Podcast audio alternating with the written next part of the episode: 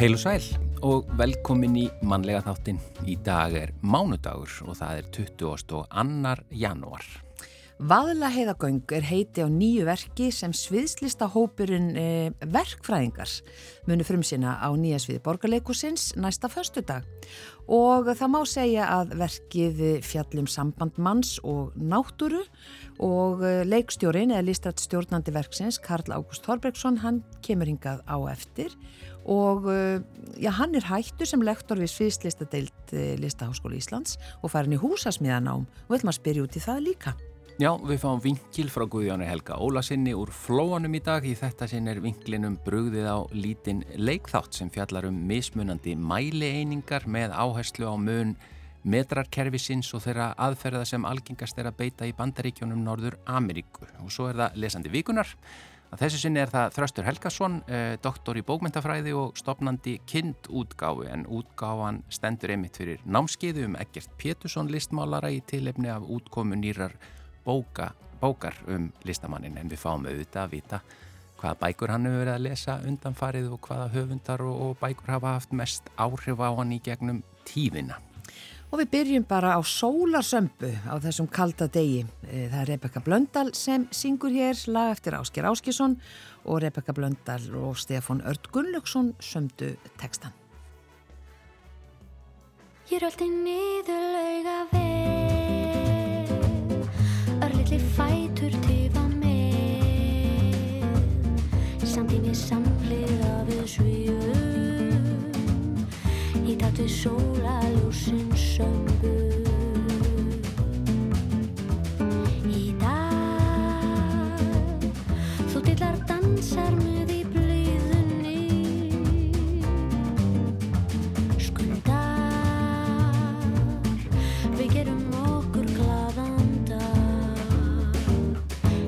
Í letri sveiflu áfram fer.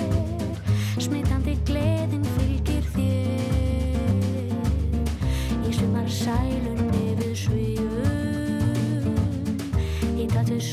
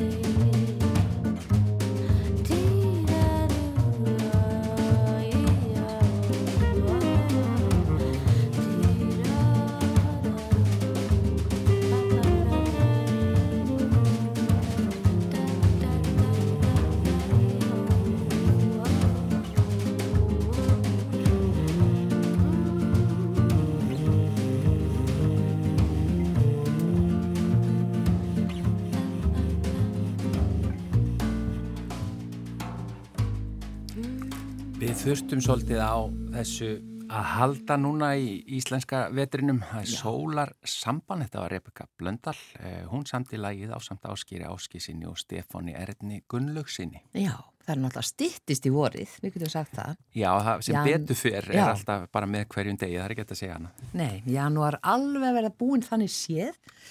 Uh, en við ætlum að uh, fjalla hér aðeins um nýtt verk sem sviðslistahópur sem kalla sig verkfræðingana munu frum sína uh, annan februar, förstu daginn annan februar og heitið á þessu nýja verki er Vaðlaheiðar göng og uh, já, fjallar eh, eins og sagt er um samband manns og náttúru og Karl Ágúst Þorbergsson, listrætt stjórnandi, hann er komin inga til okkar, velkomin Takk. og já, þetta er svona dálítið óvenjulegt, Vaðlaheiðar göng, þetta er svona, já, Einmitt. hvernig getur heilt leikverk snúist um, um jarðgöng? Þetta er náttúrulega sko, einn stórkostlegasta framkvæmt Íslands sögunar, þessi valahegöng og hérna sko, ég get nú bara sagt að við lendum bara eiginlega í vandræðum strax, af því það er eiginlega búið að gera verkið fyrir okkur, bara framkvæmdi við göngin sjálf er eiginlega bara einhvers konar stórkostlegur performance Mm. Það er hérna alls konar atriði sem er bara ótrúlega og maður trúir ekki þegar maður heyrir um það eins og til dæmis bara vatnið sem byrjaði að flæða út þegar hérna uh, þau boruð inn í göngin sikkur megin, heitt vatn eða megin, kalt vatn uh, fnjóskadals megin og ekkert lítið af vatni sko, það var alveg álíka mikið og bara dagarneistla Reykjavíkur sem fr frussaðist þarna út uh, það mest var. Uh, og hérna náttúrulega heita vatni í dag að nota í skóaböðin og, og þú veist að lenda í því að, að bora inn í fjall og það mæti þér 46 gráði heitt vatn 2 kilometrar inn í fjallið Mm. uh, það er kannski ekki aðstæður sem eru skemmtilegar Já, eða var, var kannski bara ekki búist við eða hvað kom þetta fólk? Nei, það var ekki búist við heita vatninu uh, en hérna umdilt sko hvort að það hefur verið gerðan og mikla rannsóknir og svo framvegis og framvegis uh, Mm. en uh, það var búist við vatni en ekki heitu vatni Uh, Og þetta tafði náttúrulega framkvæmdinnar? Já, bara gríðarlega sko, bara heilmikið og, og hérna Fnjóskadalsmegin, það var náttúrulega fallegt það var örgulega bara fallegasta frétt sem ég séð uh, þegar hérna kaldavatni kom Fnjóskadalsmegin og allt fór á kaf og það var náttúrulega, þurfti náttúrulega aðtuga aðstæður inn í göngunum og þá náttúrulega bröðuði þeirra að þóra að sigla inn í göngin á trébát, á árabát. Uh, og það er náttúrulega bara eins og í verki eftir Ragnar Kjartan að sjá yðnaðmenn hérna sigla inn í, inn í fjall Já, hefnit. þannig að, hérna, við tökum það bara beint inn í verkið sko. Já, þurfum ekki að breyta það er bara við siglum bara inn í fjall já. Og um hvað fjallar þetta? þetta fjallar eh, sko, eins og titillin ber með sér þá fjallar þetta lítilega um, um valheðagöng þessa framkvæmt en aðalega kannski um hérna, okkur eh, mennina, manneskjuna og samband okkar við náttúruna eh, og okkur finnst svona endurspeglast í þessum framkvæmtum svona, svona, svona þversagnakent samband. Við erum hérna þetta pínu litla fólk eh, að grafa okkur í gegnum tíu miljón ára gamalt fjall til þess að stitta leiðina til húsavíkur um tíu mínútur. Uh, og hérna uh, þannig að við verðum einhvern veginn alveg svona rosalega lítill uh, þegar við erum stödd inn í þessu fjalli í Guðubæði en á sama tíma erum við rosalega máttug af því við bara förum í gegn sama hvað og sama hvað það kostar. Þótt að sé komið upp í ja, 20 miljardar núna, 8 kosta 8,7 uppálega það er fullt af myndlíkingum inn í þessu. Já, já, já, já, rosalega mikið og svona, þetta er svona í stærra sem ekki tengist þetta að okkar mati bara, eh, hérna er ákveðin samsvörum við st- stöðu okkar mannsir kakvart hamfara hlínun. Um, við sjáum svona endurspeglun í því hvernig við litlu manneskjötnar erum stöndum einhvern veginn á móti náttúrunu sem mun tortrým okkur uh, ef við förum ekki að hafa okkur Mm. og hérna, en samt erum við svo máttu að við bara völdum yfir hana bara eins og við viljum eh, vitandi það að hún muni mitt gleipa okkur á endanum Já, þannig að það er svona, svona ákveðin endurspeglun má segja að valhefgung sé eiginlega bara svona einhvers konar ljóðræn myndlíking um, um þetta samband okkar við náttúruna já. Uh, hópurinn Já. uh, sem heita, eða þið heiti verkfræðingar, Já, það er nú ekki bara út í loftið. Nei, nei, við erum náttúrulega sérfræðingar í að búið til verk eh, Mhm. og það er leiðin eru við verkfræðingar. Eh, Nei, nei, svo erum við líka með náttúrulega tengingu, þá er náttúrulega verkfræðileg tenging inn í, inn í valahauðgöng, þetta snýst um eh, hérna, miklu leiti verkfræði þessu göng eh, og hérna, og svo er bara ég persónlega er tengdur inn í verkvæði bransan uh, pappi minn er verkvæðingur og mamma mín bókursarsvæðingur og verkvæðstofu ég er uh, uppalinn á þessum stofum og, og alltaf verið hillar af þessu umhverfi. Já. Uh, en aldrei geta einhvern veginn verið hlutaðið samt. Nei, og þú ert uh, já, nýhættu sem lektor við Sviðslistadeild uh, Listaháskóli Íslands Já. og ert búin að snúa þér að húsasmiðanámi. Já, það Það passar. að fara meiri í, í verkfræði. Uppeyja. Já, já, það má kannski eiginlega segja það. Uh, Þetta er tölverð uppeyja ég hérna uh, bara fekk, hvað maður að segja nóg af, af skólanum í byli uh, og er búin að vera að hérna, læra húsasmiði í tvö ár og, og hérna já, frumsýni þetta verk annar februar og svo fer ég bara aftur í vinnuna upp á þak að klippa barjátn á 5. februar, mándeginum En er með þau bara hvernig þú lýsir eh, innihaldi verksins, er verkið eða sýningin að taka þá afstöðu eh, í, í málefnu svona framkvæmda og sérstaklega kannski þessara framkvæmda? Nei, nei, ekki hvað var að framkvæmdina, Já. eh, ekki hana en við erum kannski að taka kannski afstöðu varandi hérna, stöðu mannsins eh, hérna, varandi náttúruna og hamfaralínun en ekki varandi, varandi göngin, þau eru náttúrulega bara ótrúlega samgöngubót sko og það hefast enginn um, um réttmæti þeirra og kannski svolítið dýr en uh, kostar svona cirka tvær hörpur. En hérna en auðvitað eru þau bara réttmætt en upphaflega planið náttúrulega sko pólitíkinu baka þetta, það má alveg deilum hana eh, en kannski ekki tilviljun að allir þingmenn sem tengdust þessu göngum eru frá Norðausturlandi Mm. eh, ég held að það sé kannski algjör tilviljun að þeir eru allir sköllóttir Er komið inn á það í verkinu? já, já, já, já. og hérna Sigmundur Davíð fekk að sprengja ráðhörasprenginguna og hann er svolítið þingmaður Norðausturkjörðeimis um, og var fósettisaður á þessum tíma eh, þannig að það er alls konar það er alls konar pólitík, þetta fór aldrei fyrir samgöngunemnd á sínum tíma, hún var á mótið þessu fór bara framhjá, framhjá samgöngunemnd en eh, þú veist, við erum ekkert að fjalla um það svo sem eh, það er náttúrulega bara eitthvað sem allir vita, pólitík og pólitík Mm.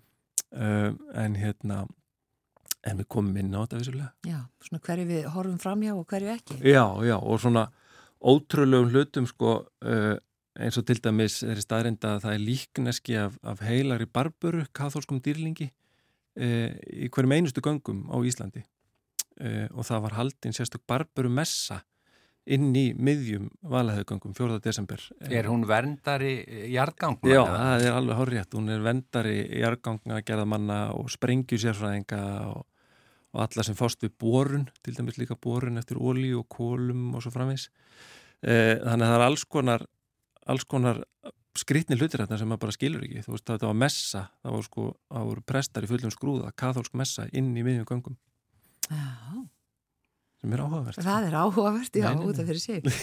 En hérna, eh, til frumsýnið annan februar, Já. hvað eru margi leikarar í þessu? Þau eru þrjú uh, á sviði. Um, þrjí leikara, leika sjálfansi og pólitíkusa og, og verkfræðinga og, og einhverju skrýtna verur. Uh, og svo eru með hérna eh, tónlistastjóra líka sem verður sennilega á sviði, það er ekki hægt að sleppa hann á sviði, hann er með svo áhugaverðan sviðsperformance þannig að hann verður örglega eitthvað að vissinast hana, kannski bregður hann sér í líki álfa eða, eða barburu eða maður veit það ekki Já, kemur í ljós. En ég kæra takkir Karl Ágúst Þorbergsson, listrætt stjórnandi þessa verks, Vaðla heiðargöng, sem er heiti á þessu nýja verki og þetta er sviðstista hópurinn verkfræðingar. Og ég segi bara, ég pói pói, þannig að maður ekki segja annað og svo bara vonandi verður ekki kalt þarna á bárjás þækinu sem erst að fara að klippa á mánudeginum á eftir. Svo sannlega ekki Takk fyrir komuna. Takk fyrir komuna.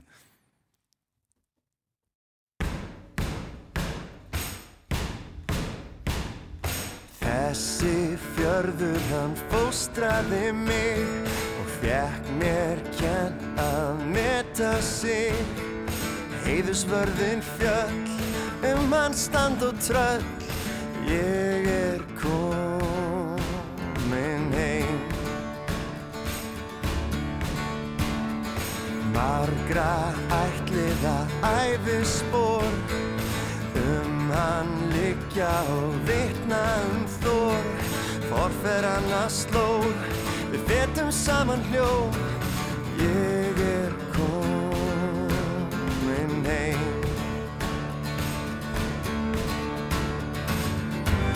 lofa aldrei að gleima Allur því sem að þú kendir mér Oft er hugurinn heima. Hjarta mitt slægt með þér. Æsku minnar, minningabók, myndirnar nær, allar hér tók. Að gefa innri frið og geta lifnað við. Ég er komin heim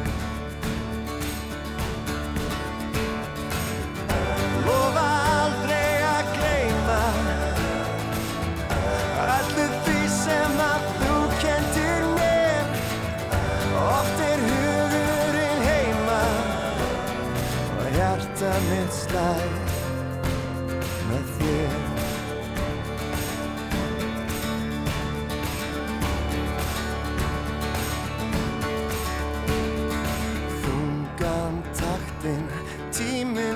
víslær og tárin sem ég runnu í gær eru orðin ský aftur og enn á ný. Núna kem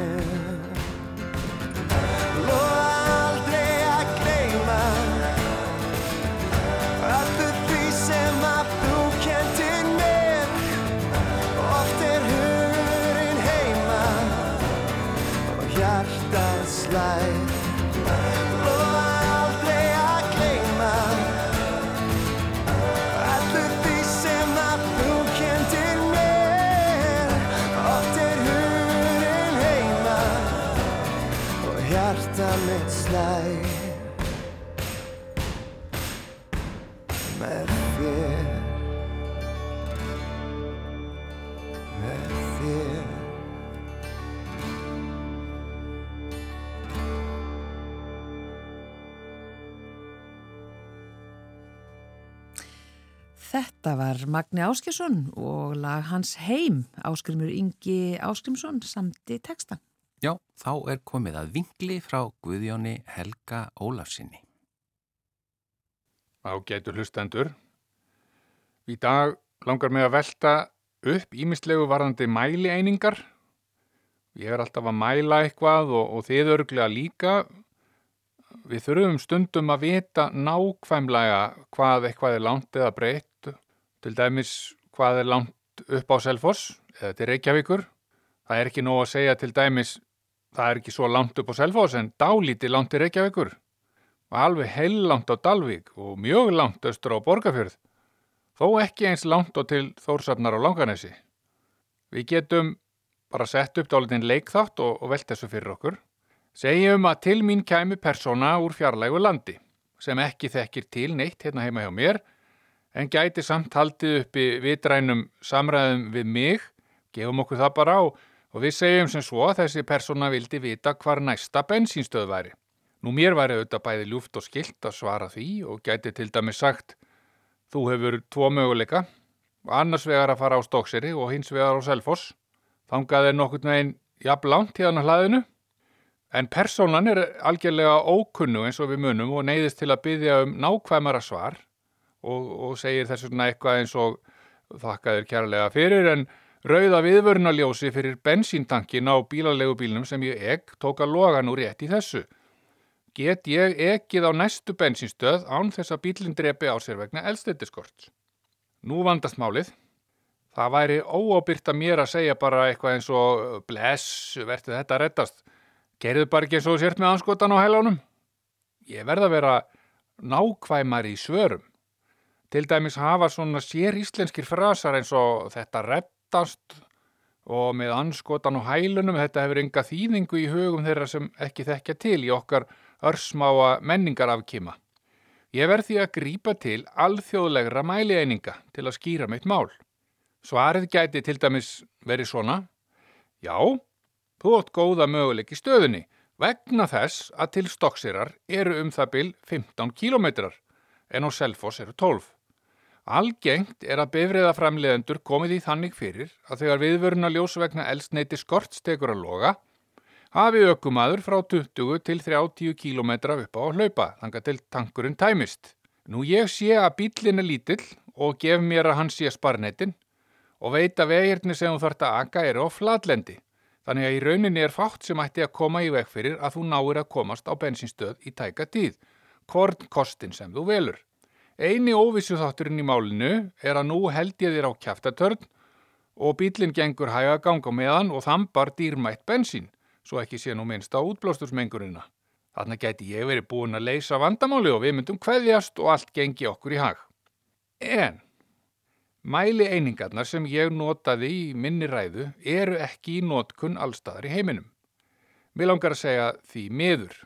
Ég gæti því sem best fengi nýja spurningu eins og til dæmis Jú, þakka þér æfinlega en ég kem frá bandaríkjum Norður Ameríku. Þar hefur metrakerfið ekki enn haldið innreði sína að fullu. Geturðu útskýrt þetta fyrir mér þannig að gagnist? Nú er vandi á höndum. Ég er nefnilega ekki nema bara rétt meðalskussi þegar hinnar bandarísku mælieiningar eru annars vegar. En hef vissulega gagn og gaman af að spreita mig á svona þraut og aðstóða að sjálfsögðu þá sem er í neyð eins og við eigum auðvitað öll að gera.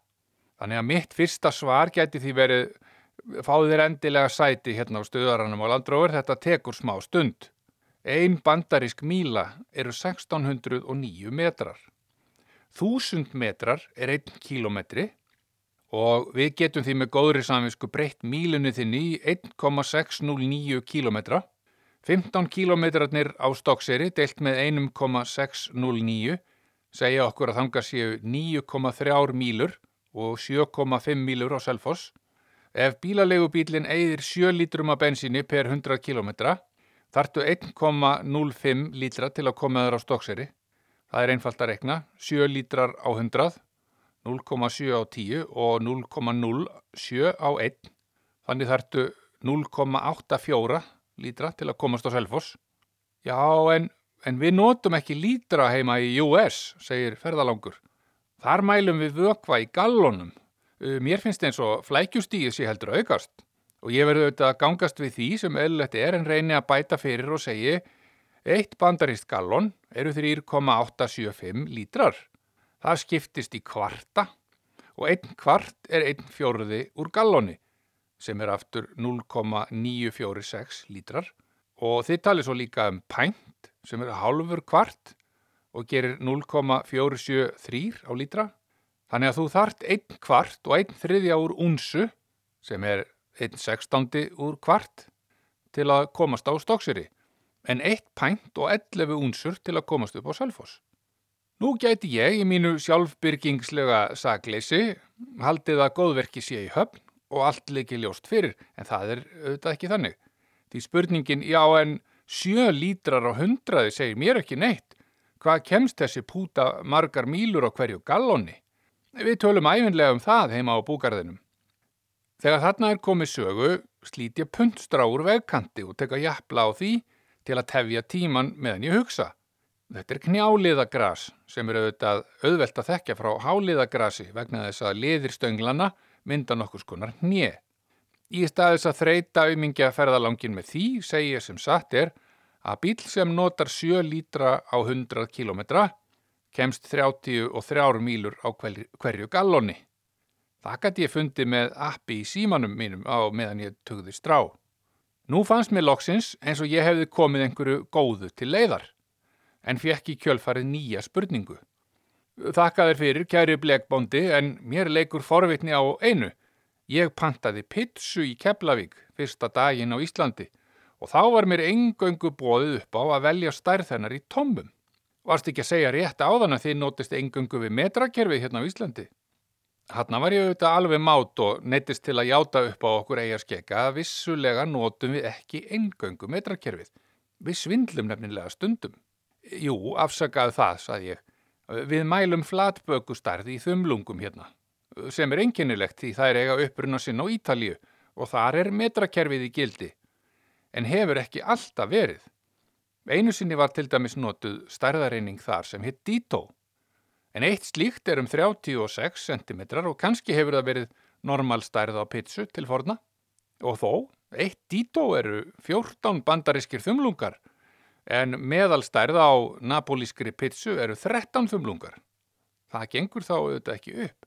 Ekki nema verðtryggingin hérna á Íslandi hafi komist í skip og getið tommu utan af öllum pitsum á Ítalíu, sagði ég og rak upp klúðuslegt hláturbofs. Viðmælendi minn var hins vegar eitt spurningamerki í framann, yfti aukslum og gerist stóreg. Hvað meinar með verðtrygging? Getur þau útskýrt það fyrir bara? Ég hef aldrei nokkuð tíma heyrt minnst á verðtryggingu og hef þó víða farið. Hvaða fyrirbæri er það sem getur mögulega getið tommu utan af öllum pitsum á Ítalíu? Sko, sagði ég. Þessi pistill er bara tíu mínútna langur, en ég get talað um verðtryggingu fram að sláturtíð og við leggjum það ekki á okkar góðu hlustendur. En þér að segja hefur verðtryggingin getið miklu meira en nokkrar pitsur. Hún hefur getið heilu húsin og ekki einu sinni rópað á ettir. En við mælum enn ímislegt í tommum, þó hér er ég að gilda metrakerfi, til dæmis sjónvarps og tölvuskjái. En almenna aðferðin til að mæla stærð þeirra er að bregða tommustokk horn í horn á svæðið sem myndin byrtist á. Til dæmis er tölvuskjárin minn 61 cm hotn í hotn og telst að vera 24 tommur.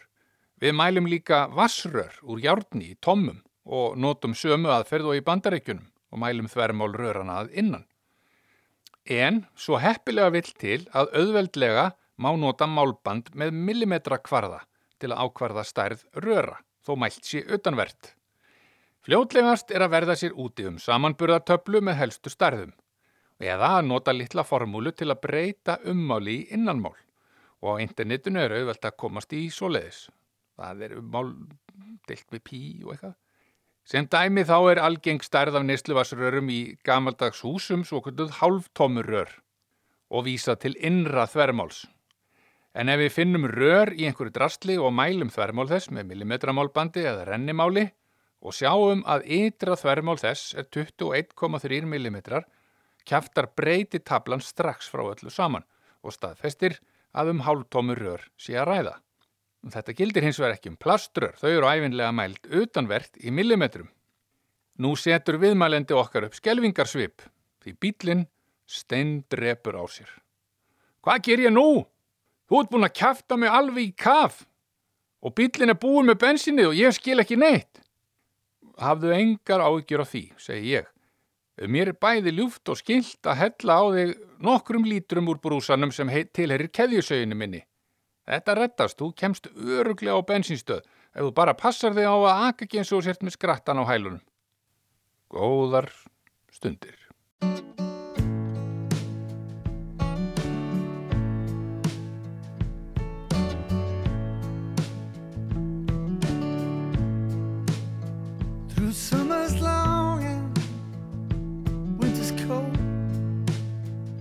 you always have someone good to hold.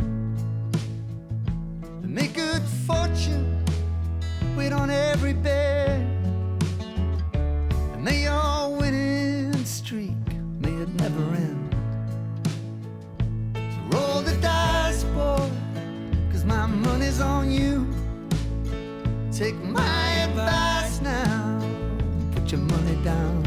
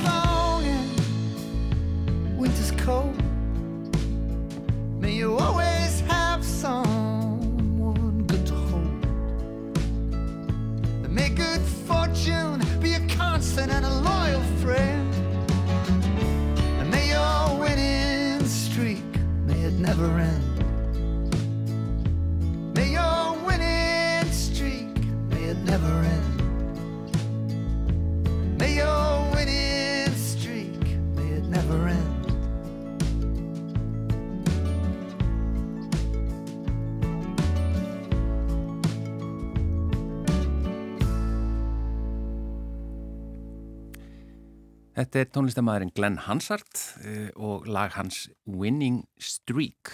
En nú er komið að lesanda vikunar og hann er hingað komin.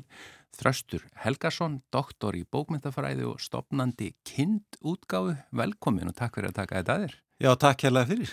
Takk fyrir að bjóða mér. Uh, kindútgáfa uh, er ný útgáfa. Já, þetta er ný útgáfa en, en sem sé, og, og eiginlega endur vakin. Ég rak sem sé á samt tömur félögum mínum uh, útgáfa sem hétt þessu nafni Já, í ykkur 5-6 ár uh, sem að við síðan lögðum niður 2018 eða maður rétt.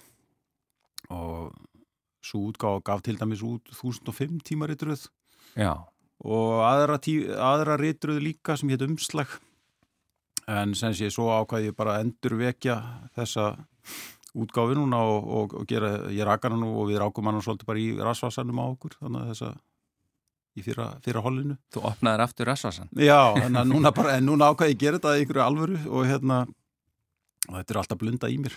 Já, að hérna og þetta bara fengist í bækur allt mitt líf já, já, doktor í bókmyndafræði og skrifa nokkrar. Já, já, skrifa bækur og gefa út bækur og lesið náttúrulega aðalega Já, til þess ertu komin hingað. og hinga er ég komin. Já, það átti vel við. En, en þessi bók eh, sem kom út núna á síðasta ári, Eggert Pétursson, þetta er gríðarlega falleg og stór og mikil og vegleg bók. Já, takk fyrir.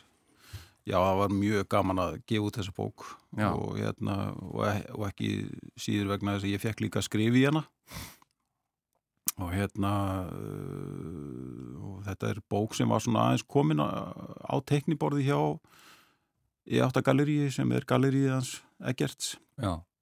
Uh, hugmyndin svona lúrði þar. Uh, og þegar ég svona fer að orða þessa hugmynd mínu um að stopna útgáfu þar sem mér langar til þess að leggja áherslu á einmitt myndlistar bækur, um myndlist og, og sjónlistir almennt.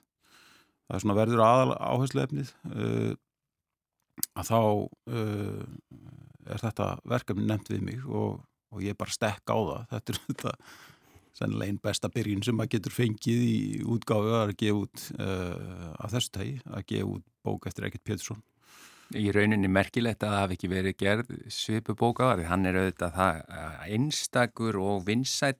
eh, Já, já, það hafa komið út bækur, það er tíu ár síðan að síðasta kom út uh, og, en hún er löngu uppselt já, já. þannig að það hefði vantað bæ, bók sko í mjög langan tíma uh, með verkunum hans og, og um hann sem sé. Það er mikið að fallegum ljósmyndum af verkonum hans. Já, já, þetta eru 109 myndir af málverkum eftir Egert, uh, blómamyndunum hans sem hann er búin að vera að mála síðan 1980 eitthvað, 86-7 Já. þetta er langur það sem hann hefur einbeitt sér að þessum verkum Annar ekki eftirspurð.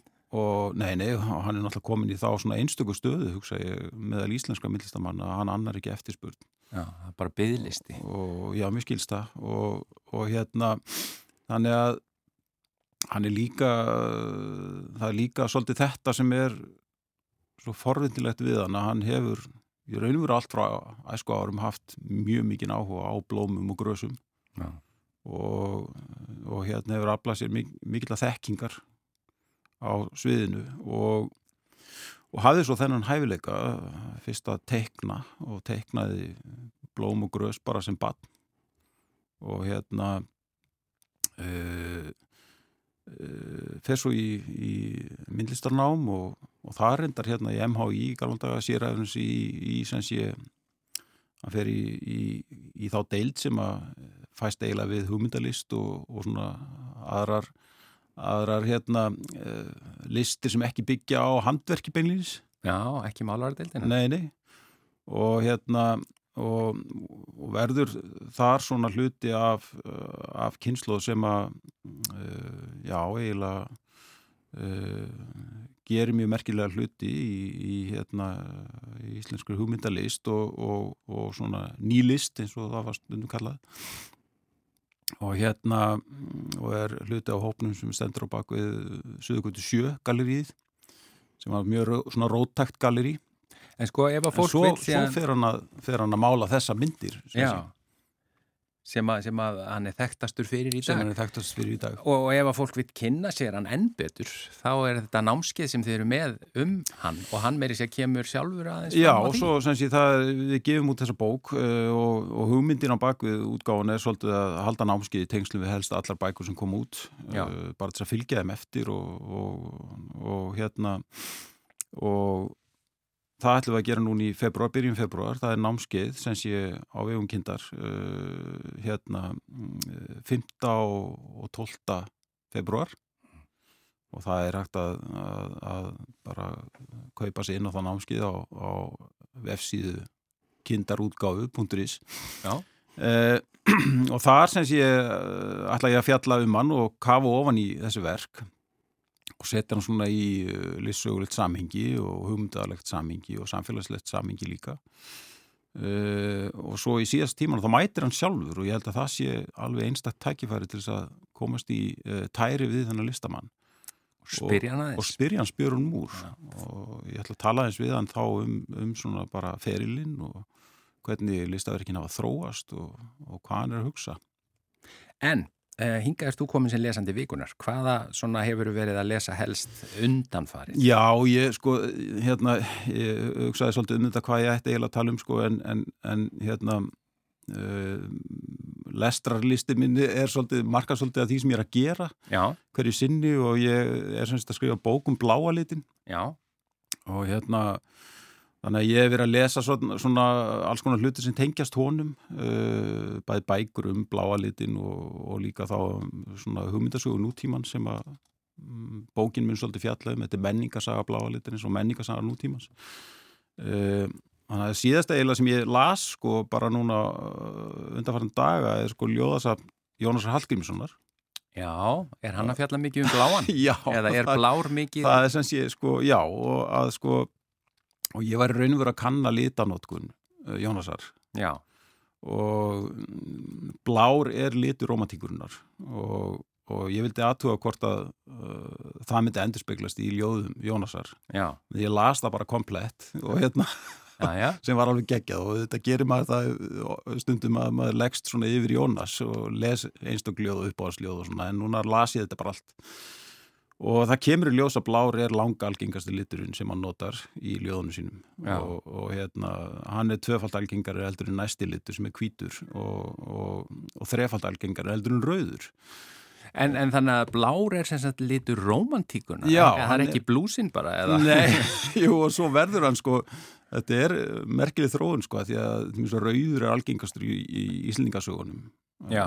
uh, og það passar alveg við þróunina vegna þess að blár verður uh, en blár er næst algengastur liturinn í Íslendingasögum uh, en blár verður svona að lit og svona menningasögunum lit á 12. og 13. öld og þá sérstaklega í tengslum við hérna, Maríu Meija því að blár var litur Maríu Meijar en þetta er líka í tengslum við það að það er ekki fyrir á þessum tíma sem hægt er að búa til bláa litin menn Já. finna leiðir til að búa til sem sé litin til þess að mála með honum Já, já, já. að lita með honum þannig að þetta er líka svona bara efna, efnafræðileg þróun sem að skýrir þetta en síðan sko verður bláliturinn alltaf sterkar og sterkar í svona menningasögulegu samhengi og á 19. 19. öldinni þá er hann orðin þá verður hann svona eiginlega takn uh, að takni romantíkurinnar, bláa Mm. blómið sem Nóalis skrifaði um til dæmis sem að var ekki til í raun og veru, var ekki hægt að nálgast var taknmynd stúlkunnar sem að, sem að ofterdingin sem að skrifa skáldsuguna sína um var ástfangin af og hérna uh, og síðan á 20. öldina þá, þá verður blár vinsæðist litur í heimi það eru fleiri helmingur uh, manna í heiminu sem segir bláan upp á slitin sín já. og hann er líka þetta, hann er líka og það sést alveg í myndlist og, og, og hérna og bókmyndum líka og hérna blári langalgengasti liturinn til dæmis í, í skálderkum Haldur Slagsnes svo bara sér dæmi, dæmi sér notað og, og svo er þetta blúsinn og, og, hérna, og hitt og þetta en svo er líka bláa pólitíkin sem verður pólitík 20. aldarinnar sem er þetta hægri pólitíkin og kapitalismin og nýfrjálsíkjan og, og hérna og ég er semst að rekja þessa sögu og það er önnur bók sem ég hef verið að lesa líka eða las núna í haust sem að segir svolítið þessa sögu en frá allt öðrum sjónarhóttni og það er hérna All that is solid melts into air og fjallar um reynslu nútímans uh, og er eftir Marshall Berman og hérna bók sem kom út 1982 og, og titillin er fenginn frá Marx Mm sem er að uh, lýst í því hvernig kapitalismin leisti alla hluti upp þar á meðal valdið. Og við þekkjum það auðvitað á 20-stöldin og bara í nútímanum að valdið er dreift það er ekki lengur ykkur að valda stopnandi sem ráða þessu öllu saman ríkið er ekki lengur uh, heimili valdsins Í það minnst ekki það eina. valdsins, nei. Heldur er það dreift út um allt. Og, og, hérna, og við vitum í rauninu ekkert hvar það er. Og það er nákvæmlega tilfinningin sem að, sem að Börmann er, er að lýsa uh, í þessari hérna, upplifunarsögu nútímans. Að, að það leysist allt upp.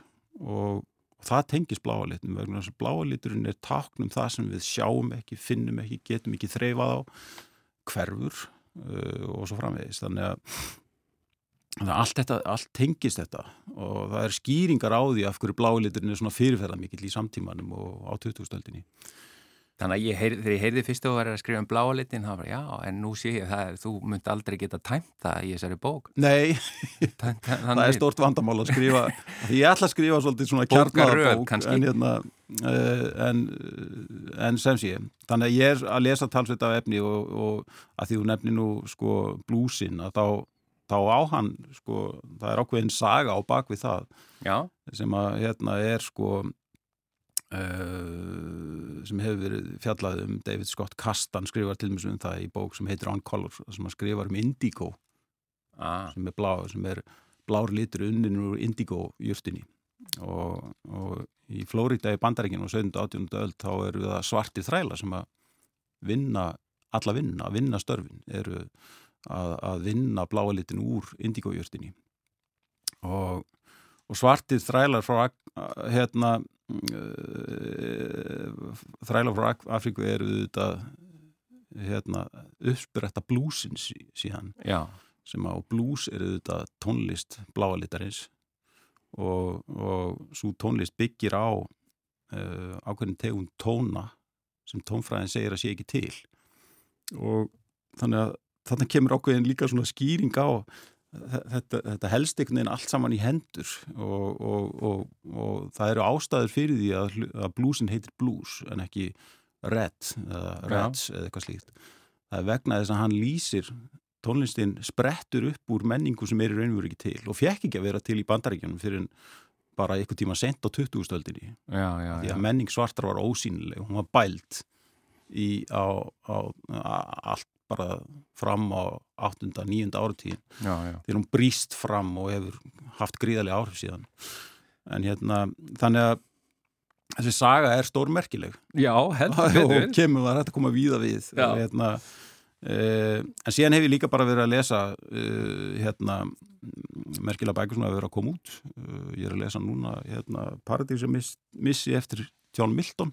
Já, sem í, í nýri þýðingu Jóns Ellenssonar þetta er í annarskipti sem að verkið er þýtt á íslensku það Jón Þorláksson sem þýttið á átundöldinni sem frækt er en núna er búið að gera nýja þýðingu og sem er alveg merkilegt afreg að koma þessu á uh, verki á íslenska tungu hver þýðir?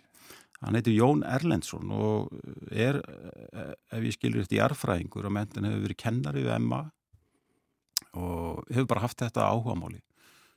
En þetta er ekkert smá verk að koma þessu, þessu, þessu söguljóði í, á íslenska tungu og er held ég eina, eitt stærsti bómdaviðburu síðast árs á Íslandi. Paradísamissir. Já, Eh, og hérna þetta er svona söguljóð eh, sem fjallar eiginlega bara um, um uh, sögu heimsins, allt frá bara í, út frá svona trúarlegu kristnu hérna sjónarhóttni, Mm. bara sköpun heimsins og, og síðan og síðan hérna allt í domstags. Ég þarf eiginlega að fara með þig aftur í tíma núna því að Já. tím, tímin er að hlaupa aðeins frá okkur. Já, Hvaða auðvitað. svona höfundar eða bækur kom upp í hugan eða þú mátt fara bara eins langt aftur og vilt sem að hafa svona virkilega fyllt þér? Já, já, ég hérna þetta er rosalega erfið spurning ég, ég fór nú að velta fyrir mig sko í hérna, það sem að kannski hefur svona haft uh, það sem hefur kannski, þeir höfundar sem hafa kannski haft mest áhrif á mann eru þeir höfundar sem hafa verið að, að, að fást við það sem ég er sjálfur að fást við, sem er bóndafræði og, og fræði, já. Og, og þá er ég að tala um bara fræði menn sko, sem, að, sem að hafa haft áhrif á það hvernig ég sjálfur yfka mín fræði. Og, og það eru bæði erlendir höfundar eins og Michel Foucault, Roland Barthes og fleiri og fleiri. Og, og svo íslenski fræði menn bara eins og Mattias Veða Sæmundsson sem var svona minn mentor í þessum fræðum og Ástrar Eisteins og Jón Karl Helgason uh, Dani Kristjáns, Helga Kress. Uh, allt fólk sem að eiginlega læði grunninn að íslenskri bóndafræði svona eins og við stundum hana núna í dag. Og ég held að þetta sé fólki sem hefur svona verið uppi staðið ég fór að hugsa um þetta sem hefur átt mest áhrif á mig. Svona á það hvernig ég stunda mín eigin skrif kannski. Þá er þetta akkurat réttu höfunda til að nefna í þessum í lok lesanda vikunar. Þakka að kella fyrir að taka það að þér í þetta skipti Þröstur Helgarsson uh, og þættinum er bara lokið hér með. Við þökkum innlega fyrir samfélgina og verðum hér aftur á sama tíma á morgun. Verið sæl.